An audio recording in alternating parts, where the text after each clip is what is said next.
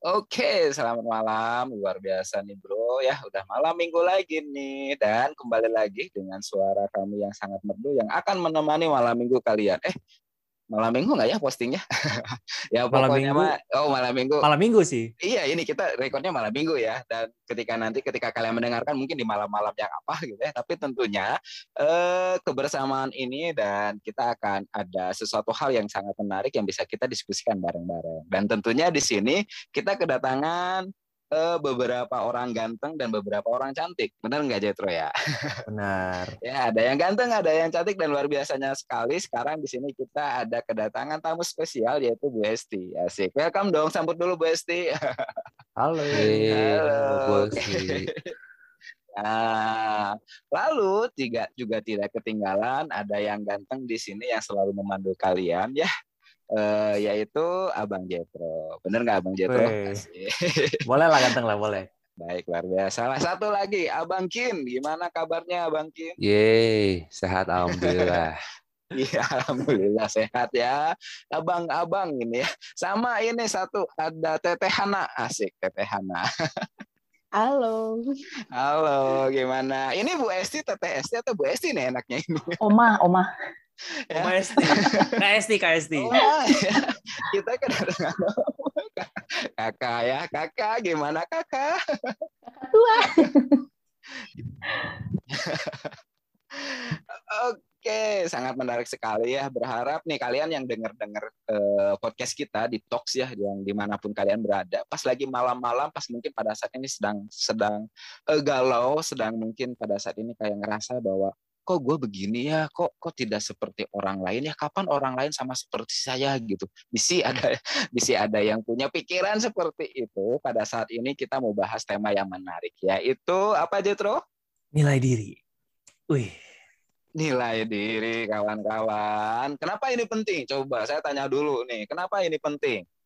Kenapa penting harus dibahas? Hmm. Tahu ya nilai diri hmm itu sesuatu yang sebenarnya penting banget mungkin secara objektif lah ya menurut aku. Karena bermain peran yang besar gitu di dunia peremajaan gitu. Di dunia di mana punya peranan besar ya? Iya. Oh, tapi sering kali itu remaja justru nggak mermati memerhatikan diri ini. Dan justru karena mereka nggak merhatiin ini muncul masalah-masalah yang lain sedap. Betul sekali.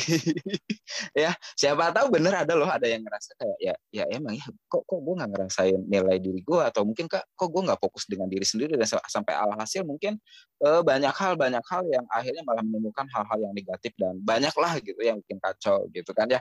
Oleh karena itu benar nggak sih penting ya? Kalau tadi kata Jotro bilang penting banget dan ini Makanya bukan suatu kebetulan kita bisa ngedengerin suara yang merdu ini ya dari abang-abang yang ganteng, dari teteh yang ganteng, dari kakak yang eh kok dari teteh yang ganteng sih, dari teteh yang cantik ya, sama kakak yang cantik gitu ya. Oke, gimana Jetro? Mulai dari apa dulu nih yang akan kita bahas nih? Hmm. Kalau kita lihat itu nilai diri seperti yang tadi ya, kita nilai diri itu memainkan peranan yang besar, tapi sering kali kita melupakan nilai diri ini loh ya Coba kita lihat dulu ya. Kita mulai dengan satu pertanyaan yang yang basic. Uh, menurut kalian dan observasi kalian tuh ya di lingkungan kalian, uh, gimana sih perspektif atau uh, persepsi nilai diri ke remaja-remaja gitu? Kalau misalnya gue mulai gitu ya, uh, kan gue mempunyai uh, range teman yang lumayan luas lah ya. Jadi gue mengenal banyak tipe orang dan uh, dari mereka gue mengerti banyak sekali perspektif-perspektif nilai diri gitu. Jadi karena mungkin ada satu orang yang apa ya bukan gila diri tapi sangat mencintai diri sendiri. Jadinya dia bisa melakukan banyak hal dan kalau gue ngeliat dari orang itu ya, jadi karena dia udah mencintai diri sendiri, dia tuh gampang kalau mau menuju ke jalan sukses gitu misalnya, mau produktif, mau uh, apa sih mau kerja keras gitu itu gampang karena tidak ada halangan dari internal gitu kayak minder gitu-gitu udah hilang gitu. Tapi kalau aku ngelihat juga orang yang minder itu justru susah buat produktif tau. Soalnya karena ada dorong apa ya, bukan dorongan ya, hambatan-hambatan internal yang kayak tadi, kayak minder itu itu tuh sebenarnya menghambat banget, guys. Dan ya jadi ngehambat gitu ya. Iya. Ngehambat bener-bener bener. Dan secara pribadi gue juga udah ngerasain gitu kalau insecure atau mikir banyak overthinking itu kan satu masalah yang besar di remaja tuh ya itu tuh kayak bikin gue nggak bisa produktif sama sekali gitu dan apa ya ketika kita bisa mempunyai nilai perspektif nilai diri yang baik itu itu membantu banget gitu secara pribadi dalam membangun masa depan gitulah. Membangun masa depan Mantap kali. sama siapa sama siapa itu Masa depan diri sendiri gitu loh. Oh saya kira membangun masa Ya. depan rumah tangga Ya. gitu Mungkin Hmm. iya coba-coba kita mau minta pendapat para remaja-remaja dulu baru kita melihat observasi senior gitu yang sudah melewati masa remaja. Mungkin Hana dulu bisa mulai? Oke, Kian dulu deh. Wah, ngomongin soal nilai diri ini ya. Hmm.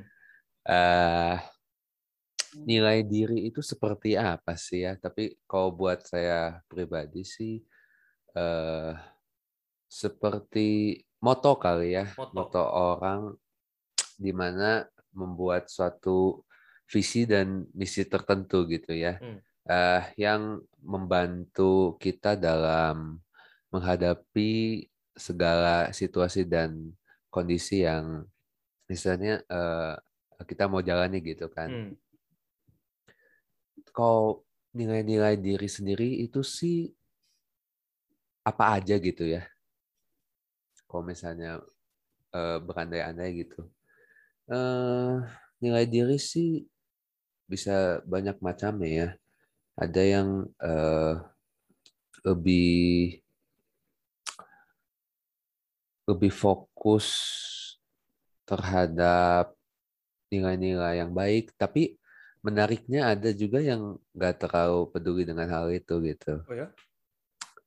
Iya, jadi maksudnya eh mungkin dari sisi eh, lingkungannya atau dari emang ya sebenarnya dari lingkungan sih yang mempunyai peran besar gitu orang bisa nggak mempunyai nilai-nilai yang baik. Hmm.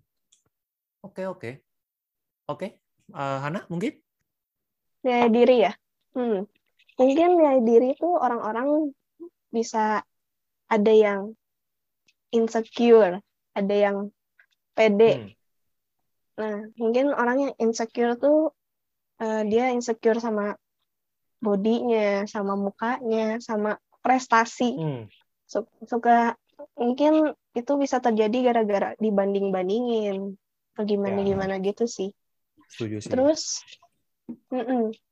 terus mungkin kalau dia pede tuh ya, itu bisa faktor udah ada dalam diri dia, atau bisa dibangun karena dia kayak belajar, terus bisa karena teman-temannya juga sih.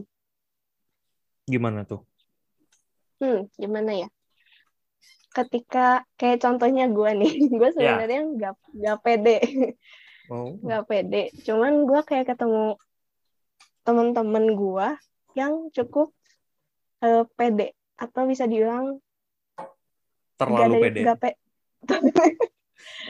Nggak juga Kepedean sih ya. kepedean. bisa dibilangnya apa ya? Extrovert. Hmm. Jadi gue bisa kayak ke bawah gitu. Hmm. Tapi kalau lu lihat kita teman-teman kita tuh banyak loh ya sebenarnya yang ekstrovert tapi justru tidak menganggap nilai diri itu yang baik-baik itu. Hmm, bener. Walaupun bener gitu. banget.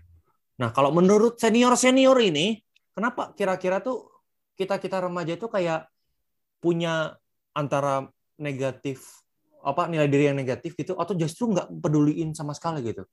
Mungkin dari kakak Esti dulu sebagai tamu. Eh, kalau menurut saya sih self value itu lebih kayak cara memandang bagaimana cara kita memandang bahwa diri kita berharga tanpa peduli apa yang dipikirkan orang gitu kan ya. Nah itu tuh eh, sulit ya karena kecenderungan kita nih misalkan kalau ada orang yang memperlakukan kita buruk gitu aja ya, kita pasti mikirnya, eh gue Ya. punya salah apa sih sama dia kok sampai dia kayak gitu gitu ya. Padahal kan Ah. sebenarnya ketika kita tahu saya nggak punya salah kok gitu ya, udah koreksi nih nggak punya salah, itu berarti orang tersebut yang memandang kamu tidak baik. Ketika orang udah pede dengan dirinya, nah dia bisa tetap jalan. Oh ya udah nggak usah dipikirin lagi gitu ya. Eh, Hmm. Nah itu tuh kan nggak gampang ya, terutama di kalau saya lihat di remaja ya.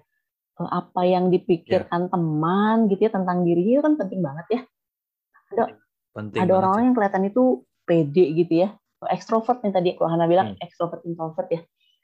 Eh, kayaknya ekstrovert gitu, ah pede di luaran gitu. Tapi sebenarnya ternyata eh, dia memandang dirinya juga nggak seberharga itu gitu. Kepedeannya buat nutupin mindernya justru misalkan ya. Ada juga orang-orang yang kelihatannya introvert, ah kok ini kayak nggak sosial eh, lingkup sosialnya kecil banget gitu ya. Tapi dia sebenarnya pede dengan dirinya, gue cukup dengan orang eh, dengan sedikit orang ini gitu. Nah, jadi kalau buat saya sih self value ini eh, ketika orang tidak melihat usia ya, eh, orang itu cukup mature gitu secara emosi, dia tahu bahwa dirinya berharga. Eh, Ketika orang lain memandang dia jelek, eh, dia tahu dia tetap berharga gitu. Kalau dia berbuat salah, dia tahu bagaimana eh, harus minta maaf gitu ya, harus memperbaiki diri, tapi dia tetap Hmm. tahu bahwa dirinya tetap berharga walaupun dia berbuat salah. Gitu sih kalau menurut saya. Hmm. Jadi kalau aku bisa narik kesimpulan, kebanyakan itu orang mempunyai nilai diri atau self value yang negatif atau bahkan nggak peduli itu karena masih kurang dewasa gitu ya, secara pemikiran gitu ya. Benar nggak? Betul betul. Bisa bisa dibilang gitu ya. Hmm. Hmm. Ya wajar-wajar aja sih ya. Karena soalnya kan remaja gitu ya. Kita masih masih proses menuju tahap kedewasaan. Jadi ada ini kayak proses-proses yang harus kita jalanin biar kita bisa Betul. dewasa. Karena menurut aku masalah yang gini tuh yang be- membentuk banget seorang pribadi remaja biar bisa dewasa. Gitu. Ya kalau menurut Abang Dwi gimana?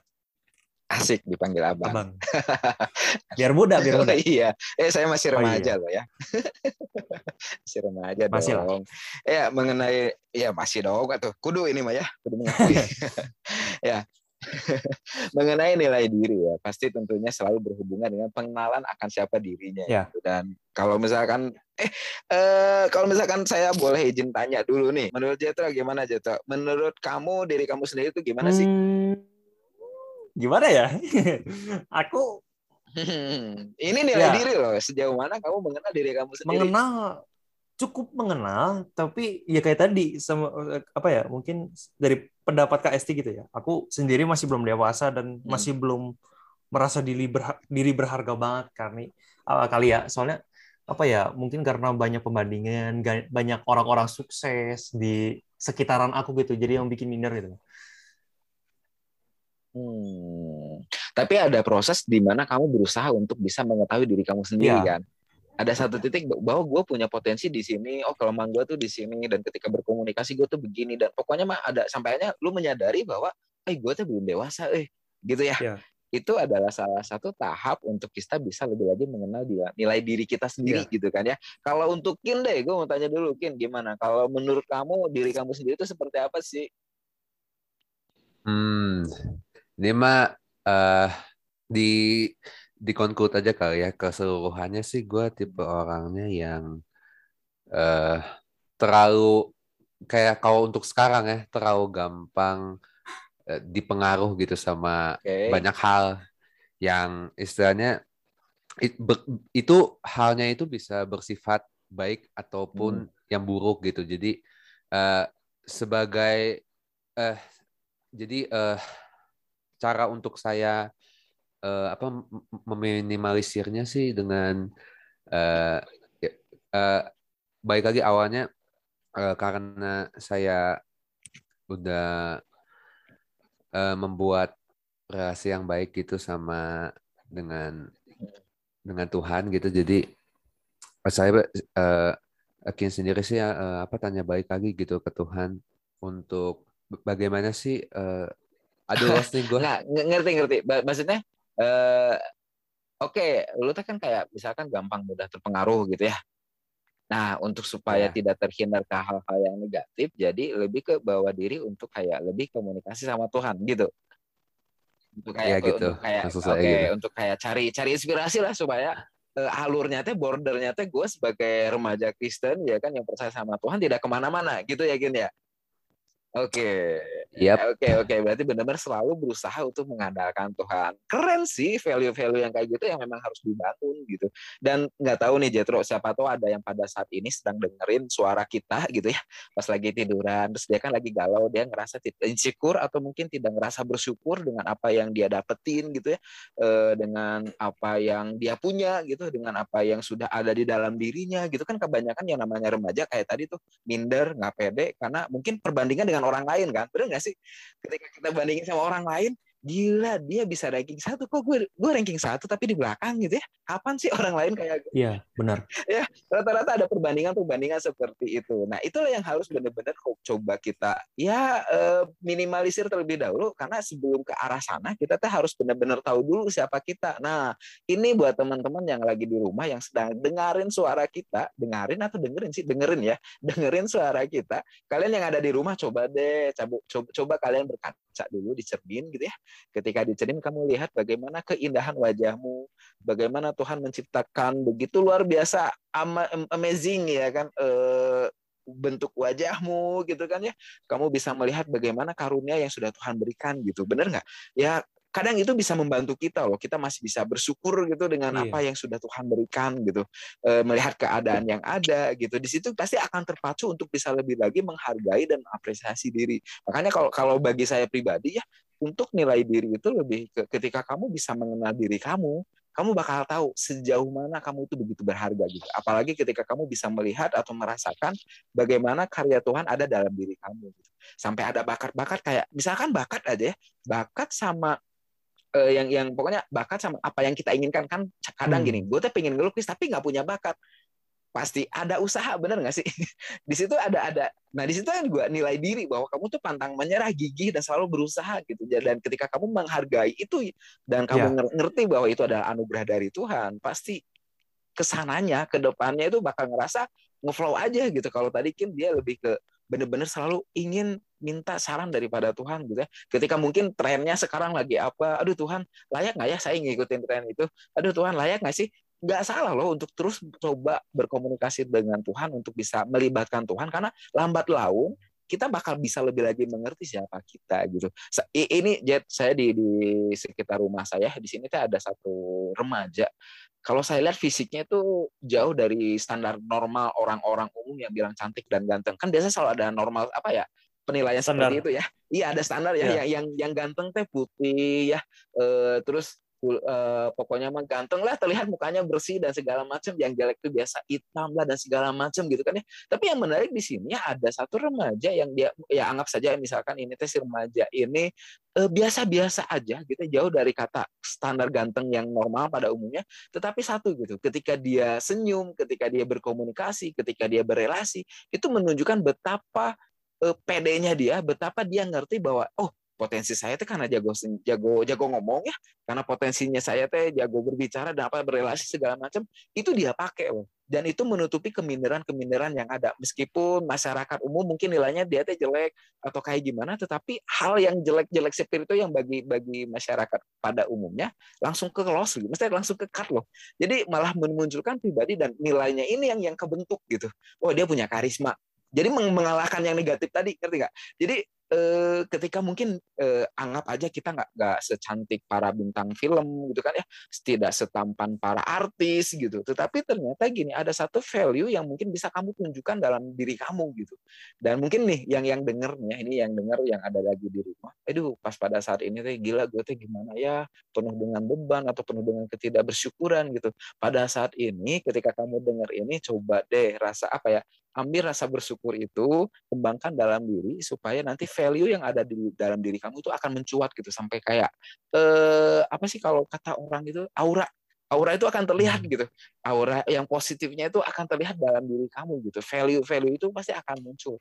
Dan gua rasa sih ketika kita mengalami fase yang seperti itu itu udah saatnya kita mulai merefleksikan gitu. Bagaimana Tuhan sudah bekerja dalam kehidupan kita. Hmm. itu sih kalau bagi gue mah karena eh, bagi gue pribadi gitu ya ketika ada banyak orang yang nilai gue tuh A B C D A B C D saya ka- kadang-kadang nggak nggak terlalu menggubris itu gitu. Karena ah yang jelas gue mah seperti ini kok orangnya gitu. Kalaupun orang lain berkata A atau B, ya puji Tuhan. Kalaupun misalkan mereka mengapresiasi, puji Tuhan. Kalaupun mereka mengkritik, ya udah puji Tuhan juga. Toh nilai gue nggak dipengaruhi oleh orang lain gitu. Yang jelas gue yang harus memunculkan nilai itu gitu. Karena ketika hmm. gue hidup, orang lain pasti membaca gue, benar nggak? ketika gue hidup, ketika, ketika kita melakukan, nah mereka-mereka inilah yang menentukan nilai ke gue sendiri gitu. Tapi tapi gini, supaya mereka bisa menilai itu kan kita sendiri yang harus ngebangun nilai itu gitu. Jadi pertanyaannya itu adalah lu mau mau mau mempertunjukkan nilai apa di dalam diri kamu sampai akhirnya orang lain ngerti siapa kamu gitu. Nah, momennya saat ini adalah ya tinggal gasken gitu siapa kamu gitu dan nilai apa yang akan kamu tunjukkan ke orang-orang yang ada di sekitar gitu. Tapi ada masalah, Pak. Asik, masalah nanaon. Uh, kan Bapak ngomong tadi kayak ngaca diri gitu melihat karya hmm. Tuhan gitu. Tapi hmm. justru kan itu salah satu insecure-nya orang gitu tentang look gitu. nah. gitu. Walaupun tentang karisma nih ya, kayak pasti Hana hmm. setuju kalau misalnya kita ya mungkin dari lu observasi mungkin hmm. maaf ini ya tapi kan banyak cewek yang insecure tentang penampakan dia. Penampakan salah ya. Penampilan penampilan. Saya langsung lihat penampilan dia. lihat pojok di situ ada enggak lah. Penampilan itu setuju lah ya Han. Kalau iya, apa ya sebagai raja-raja itu justru kita banyak gitu ya. Mungkin kita nggak merhatiin tapi banyak orang tuh merhatiin gitu. Terus kayak justru itu yang kita susah. I do. Wah, setuju kan? Gue juga sebenarnya memperhatikan gitu penampilan gue karena gue nggak mau kelihatan berantakan gitu. Gue nggak mau, gue harus kelihatan rapih di depan orang biar orang nggak mikir yang aneh-aneh. Dan apa ya? Kadang kalau kita gitu udah insecure sama penampilan sendiri, bakal susah banget buat mikirin Tuhan. Karena menurut aku apa ya? Kian kan udah bikin relasi sama Tuhan yang udah lumayan dalam gitu. Jadi bisa. Tapi kalau misalnya orang yang tidak terlalu dalam itu susah banget. Soalnya apa ya? Gue mikirnya ya tentang diri gue ngapain gue bawa-bawa Tuhan gitu. Hmm. Dan akhirnya Tuhan nggak bisa tiba-tiba bikin gue ganteng atau cantik kan? Terus hmm. ini kan salah satu yang kelihatan dari gue langsung gitu. Kan kayak mungkin lebih ngerti ya, karena bisa jelasin nggak kira-kira tentang insecurity penampilan gitu loh, menurut lu dan atau lu lihat sebagai teman-teman cewek lu gitu hmm. yang ngobrolin penampilan gue, penampilan gue gitu. That's hard one. Hard. Susah banget ya untuk dijawab ya pasti. Hmm. Atau lu Hana sendiri insecure gak sama penampilan gitu? Kadang-kadang atau atau mungkin selalu mungkin atau nggak sama sekali? Gitu? Kalau gue mungkin hmm. kadang-kadang ya, hmm. karena apa ya? Kenapa? Gue tuh selalu mencoba buat ya self love. Itu yang paling pertama sih. Yeah. Self love. Nah, jadi kayak apa ya? Kalau tentang penampilan ya bisa dibilang ya susah banget buat diubah kan kecuali ya operasi hmm. gitu-gitu. Jadi kalau buat aku hmm. nih kayak aku bisa bilangnya nih ya kalau aku bodoh amat lah. hmm, kenapa? Kenapa atau apa yang bisa bikin lu mikir sekarang udah bodoh amat gitu? Hmm. Mungkin kalau dulu nih, gue jujur dengan ya tinggi badan gue kan pendek ya guys. Hmm. Mungkin dulu pas gue masih kecil ya kayak kesel orang kayak ngomong ih pendek ih pendek cuman buat sekarang malah gue mikirnya itu sebagai hmm. kelebihan gue dalam tanda kutip hmm? keunikan buat diri gue kelebihan kelebihan dalam kekurangan. Iya. Wow, menarik ini, menarik. Mantap ini. ya, mantap, mantap. mantap ini. Itu sih. Jadi, Jadi ini apa? Lanjut, lanjut. Lanjut, lanjut, lanjut. Enggak, jadi kalau misalnya orang bilang gue pendek ya gue ketawa malah gue makin kayak apa ya bilangnya lucu gitu jadi makin sayang sama diri gue sendiri gitu. Wah. Gitu sih. Ini para pendengar dengerin sedang insecure. Nah. kalian bisa kok. Bisa, lihat pelan, Hana dulu tuh. pelan pelan guys.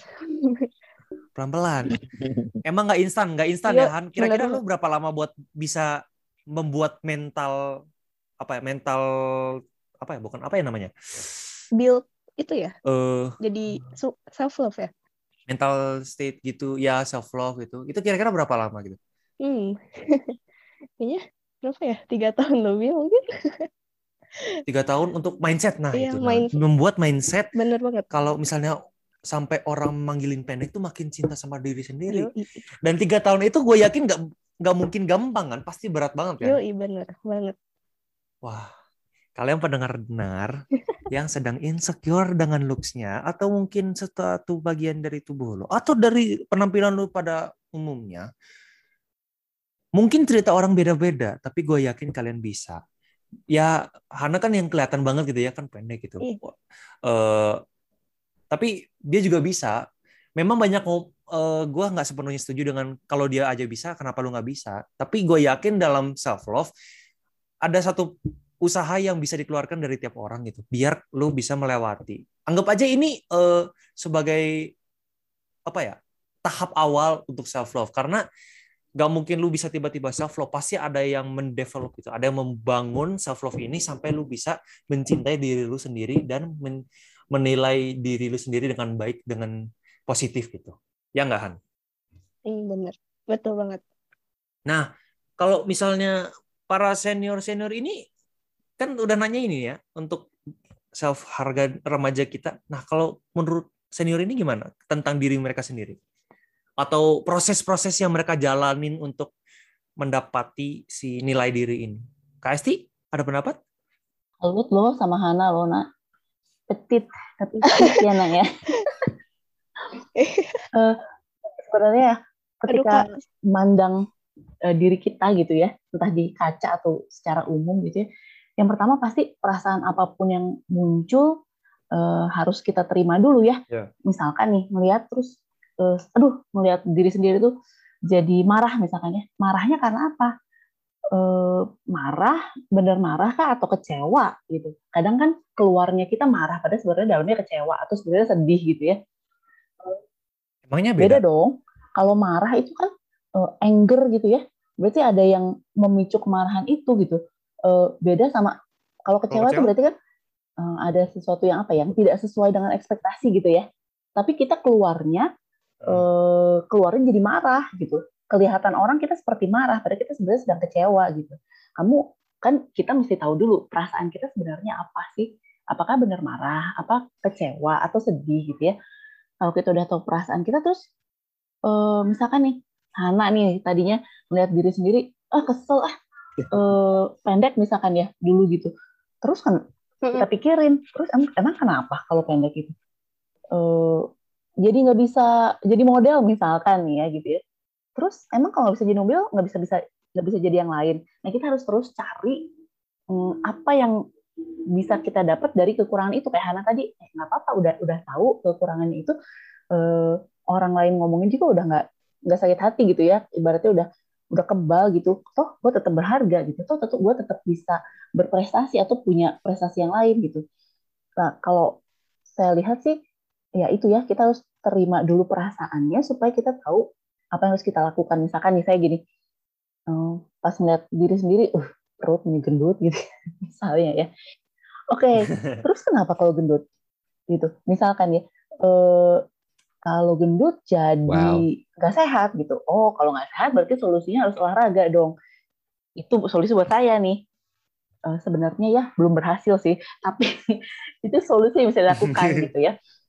Uh, pertama saya menerima perasaan saya. Saya kecewa karena tubuh saya gendut misalkan ya. Gitu. Lalu saya mencari uh, kan kalau saya gendut memang kenapa gitu? Apakah itu merugikan orang lain enggak kok gitu merugikan diri sendiri mungkin iya kalau saya punya kebiasaan yang buruk itu kebiasaan-kebiasaan uh, makan yang bu yang nggak sehat misalkan ya kalau sudah menyangkutnya kesehatan oh berarti harus diperbaiki saya harus olahraga, saya harus makan lebih baik gitu, harus hidup lebih baik. Nah, gitu sih. Uh, ya, yang tadi uh, Pak Dwi bilang ya, uh, butuh kedewasaan ya buat menerima diri kita. Nah, tapi saya tadi bilang hmm, kedewasaan itu tidak tergantung pada usia gitu. Bisa aja kalian nih seumuran gini lebih dewasa dari senior-senior yang udah dua kali lipat umurnya gitu dalam hal penerimaan diri itu bisa bisa mm-hmm. banget gitu ya uh, menemukan diri itu pertama harus juga uh, nemuin kenapa saya dibuat seperti ini gitu. yang buat siapa gitu. Ketika Tuhan bilang uh, kita berharga, toh Alkitab bilang kita berharga ya. Pencipta kita aja bilang kita berharga, orang lain mau bilang less than that, apa hak lu gitu sebenarnya kan kayak gitu ya, Cetro. Ya, oke okay, oke. Okay. Dewasa ya, ini kita bisa melihat kedewasaan dari KST gini ya. Jadi apa ya? Mungkin bisa jadi panutan juga. Mungkin selain proses masalah masalah-masalah yang susah gitu ya, kita melihat Eh, yang penting tuh menemukan diri dan arti diri ya. Dan tentunya itu bukan proses yang instan juga kan, pasti. Iya dong, nggak instan dong. Ini temanya berat banget loh beneran hari ini. bener bener. Gak apa-apa, kadang-kadang Iya. berat. Terlalu ringan yang kemarin-kemarin. Apa ya? Eh apa tadi? Proses. Oh ya, ya proses. Eh, karena mungkin banyak dari remaja dan termasuk gue lah ya, mungkin ya, gue sering iri gitu ngeliat orang bisa menilai diri positif gitu, nggak overthinking sama diri sendiri, bisa bisa self love, habis itu bisa eh, apa sih namanya, bisa menemukan jati diri sendiri gitu. Dan aku dikelilingin sama orang-orang seperti itu, masalahnya yang bikin makin iri gitu, makin iri gitu. Tapi benar juga kata Westi itu nggak instan ya. Jadi emang ada banyak proses yang harus dilewati. Seperti Hana sendiri kan dia melewati proses dalam menemukan jati diri gitu ya. Eh, kayak oke, gue menemukan diri gue, walaupun pendek tapi gue ber, tetap berharga kok. Apa ya? Eh, kayak toh nggak apa-apa nggak merugikan apa merugikan orang lain kan kalau gue pendek. Terus emang kenapa gitu kalau gue pendek tidak ada tidak menyebabkan masalah-masalah yang merugikan. bener Aduh, udah hilang kata-kata. Tapi ya itu sih. Mungkin ada pendapat lain dari Pak Dwi atau Kian? Gimana Kin? Gimana Kin? It's very hard to answer really. Kayak it's kayak buat buat buat buat kin pribadi itu sangat kompleks ya. Soalnya oh wait wait. Setuju kok kayak kompleks ya. Gak apa-apa, Kian itu lagi capek guys ya. Jadi tolong dimengerti. Apa ya? Gue setuju kompleks karena gue sendiri masih dalam proses ya istilahnya. Mungkin nggak secepat Hana, tapi gue yakin gue amin lah ya bisa nyampe ke proses itulah. Ah, amin bisa. Amin. Am- Ada bisa. amin saudara-saudara. Amin. amin ya, apa ya? progres ya setuju kok teman-teman kalau kalian susah nggak bisa gue mau lihat diri gue aja kayak mau muntah gitu misalnya gitu atau ngeliat teman-teman gue gitu apa sih kok mereka bertalenta semua? Terus gue melihat diri sendiri kok nggak ada talenta? Ya nggak apa-apa teman-teman. Aku juga sering memikirkan seperti itu.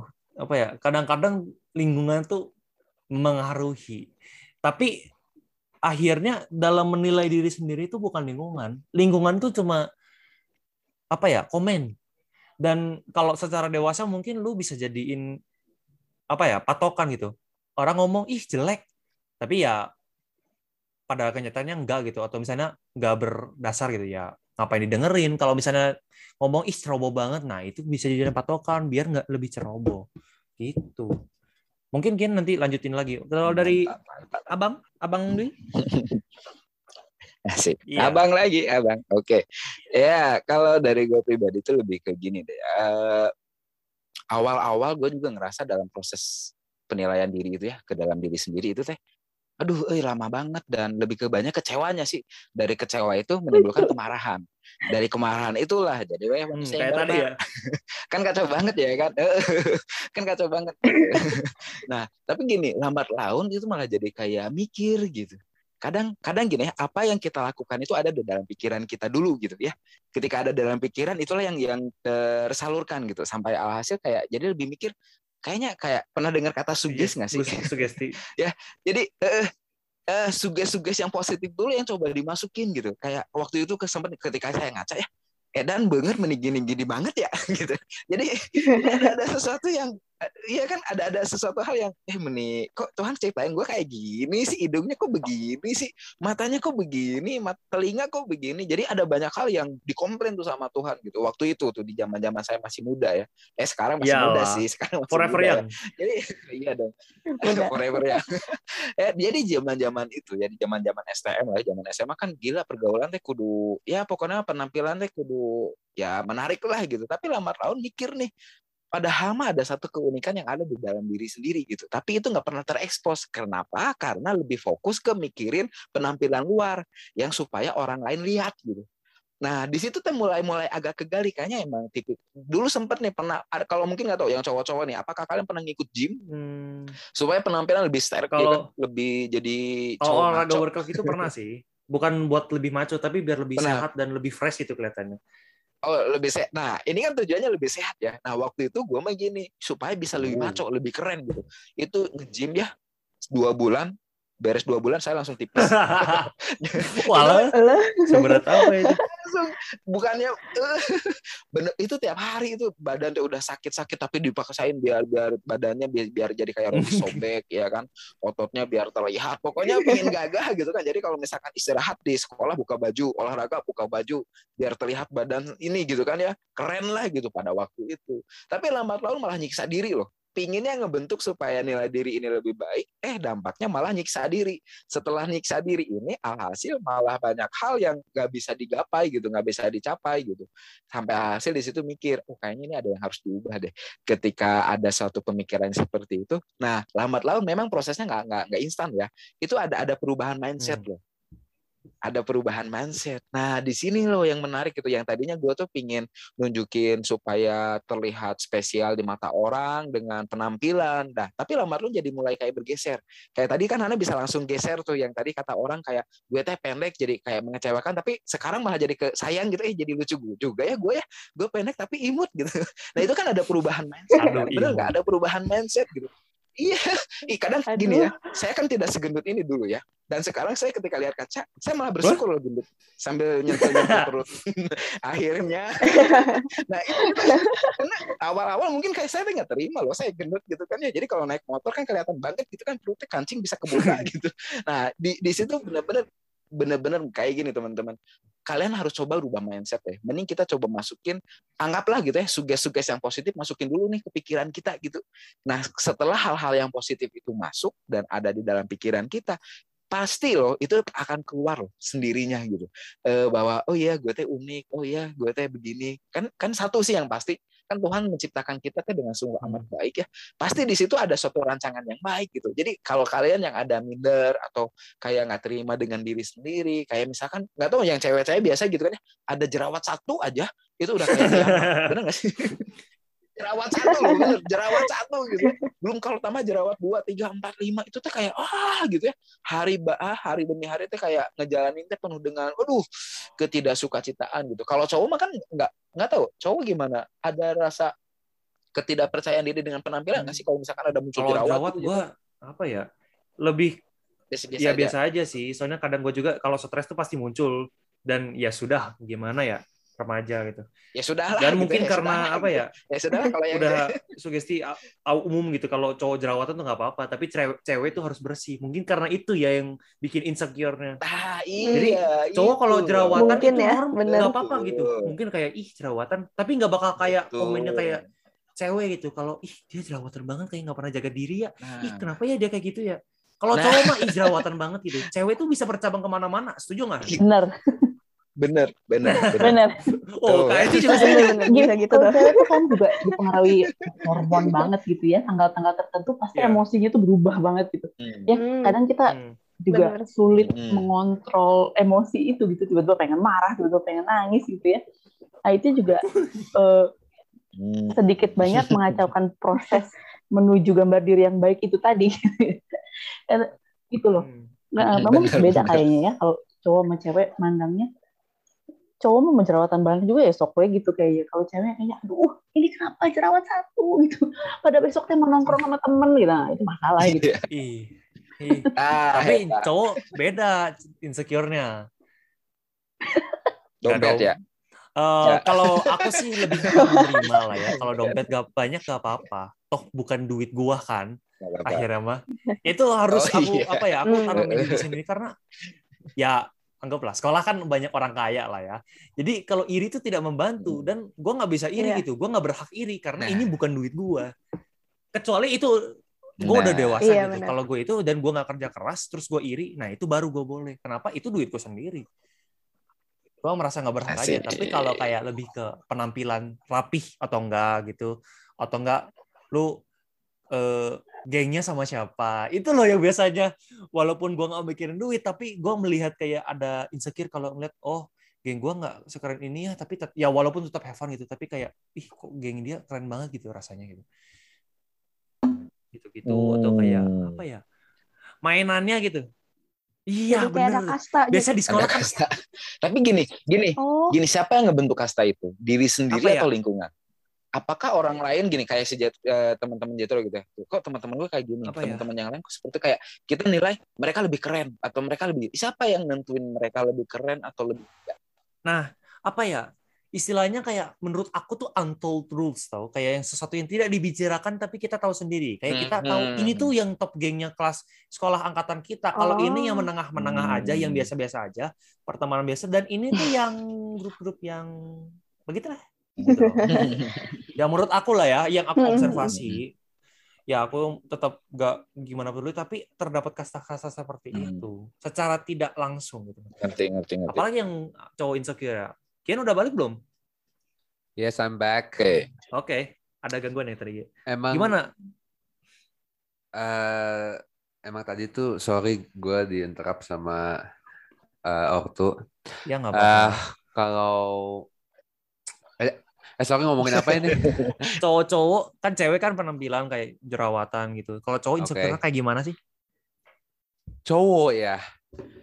Eh, kalau buat diri gue pribadi sendiri sih lebih sama sih kalau kalau diri gue sendiri juga penampilan juga ya udah udah, Hmm. udah, udah pasti lah Eh, kayak pasti ada pertimbangan untuk bisa tampil yang terbaik tapi gue coba belajar gitu nggak kayak gue apa yang gue gue tabur pasti a- akan gue tuai juga gitu. Jadi ya harus harus bisa merepens merepresentasikan ke orang lain itu tuh jadi apa ya ya jadi berkata gitu. Jadi melalui nilai-nilai yang gua keluarin juga istilahnya jangan eh jangan mandang orang lain aja Kalau zaman sekarang sosmed pengaruh banget nggak sih? Apa yang kita lihat kan kayaknya yang bagus-bagus ya. Benar nggak? Yang ditampilin itu kan bagus gitu ya. mm, Nggak ada gitu yang nampilin eh, bagian rumahnya yang lagi bobrok misalkan gitu atau eh, kamarnya yang lagi berantakan gitu atau nilainya yang merah gitu rapotnya misalkan ya kan yang ditampilin yang bagus-bagus ya. Itu juga mungkin sedikit banyak membuat otak kita memperbandingkan kondisi kita dengan orang-orang di sosmed yang sebenarnya kita nggak tahu di belakang mereka seperti apa. Uh, followernya banyak, oh postingannya bagus-bagus misalkan ya. Eh, tapi di balik itu tuh hmm, ada hal yang kita nggak tahu sebetulnya kan. Kayaknya pengaruh banget juga ya sosmed ya. Oh. Pisan itu mah pisan.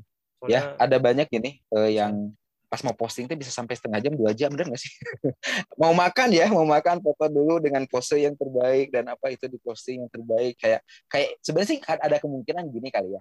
Ingin nunjukin eksistensi diri nggak sih? Ingin nunjukin eksistensi diri Ah, yang iya. terbaik Oh, gitu ya. Supaya orang Iya, lain disukai. ya, nah itu gitu supaya orang lain bisa nilai dia. Eh, supaya disukai supaya apa. Padahal mah kan yang paling utama ya sebenarnya sih ya mindset kitanya dulu sih kadang eh, tapi kadang cenderung gini kalau orang yang sudah terkenal ya eh, siapa sih yang bilang eh, sebelum kamu kaya kamu mau ngomong apa pun itu pasti dianggap ya nggak nggak berguna gitu. Tapi ketika kamu sudah sukses ketika kamu sudah kaya kentut kamu aja bisa jadi motivasi. Bener nggak sih? Ada yang pernah dengar itu nggak sih? Benar ketika sudah sukses ya kan? Pernah pernah kentut kamu aja bisa jadi motivasi bagi orang-orang gitu. Jadi ya sebenarnya lebih ke gitu ya di kitanya aja gitu. Bagaimana mengubah mindset sampai akhirnya kita bisa me- menghargai diri kita sendiri, eh, menanamkan nilai-nilai positif yang ada di dalam diri kita sendiri sampai akhirnya apa yang kita keluarkan itu itu adalah murni dari apa yang memang kita inginkan gitu bukan apa yang orang lain inginkan gitu. Karena kan cenderung kita hidup itu karena untuk memenuhi apa yang orang lain pikirkan atau orang lain ingin bicarakan gitu. Padahal kan kita lihat orang-orang yang ada di sekitar kita, anggap aja lah figuran gitu. Boleh nggak tuh kayak gitu? Anggap aja figuran. Jadi ya segara sekarang kamu teh sedang berjuang untuk bisa memperbaiki diri kita sendiri. Ketika ada orang lain yang misalkan ternyata bikin kata-kata yang tidak enak kepada diri kamu atau yang membuat kamu mundur, membuat kamu down gitu. Anggap saja angin lewat gitu. Yang pasti kamu tahu dan kamu kenal siapa kamu, terlebih lagi ketika apalagi kayak tadi Kin, Kin kan udah benar-benar dekat dengan Tuhan dan ya sat- satu-satunya jalan ya ketika kita bisa mengenal Tuhan lebih dekat, kita pun pasti akan mengenal diri kita sendiri gitu. Sejauh mana kamu berharga, sejauh mana bakat yang ada dalam diri kamu itu pasti akan terekspos dengan sendirinya gitu. Talenta entah itu anugerah yang dari Tuhan pasti akan terekspos dengan sendirinya gitu. Tanpa harus kamu e, berjuang mati-matian supaya orang lain suka sama kamu. Itu nanti bakal lambat laun orang tuh bakal lebih ke mengenal kamu tuh seperti apa dan bagaimana. Jadi ya jangan jangan malah semakin minder atau malah jangan semakin ragu. Uh, apalagi sebagai sebagai remaja ya di masa-masa seperti ini. Kan kayak kayak kemarin-kemarin kan bahasnya pacaran pacaran. Gimana kita bisa mencintai orang lain? Itu kata Jotter ya. Gimana kita bisa mencintai orang lain kalau kita tidak mencintai diri kita sendiri? Ini enggak bahkan di dalam dalam firman Tuhan pun bilang nggak kasihlah sesama manusia seperti siapa? Dirimu sendiri kan? Nah jadi ya memang ada ada ada satu fase mungkin kayak gini. Ingin diajarkan yuk kasih diri sendiri nih.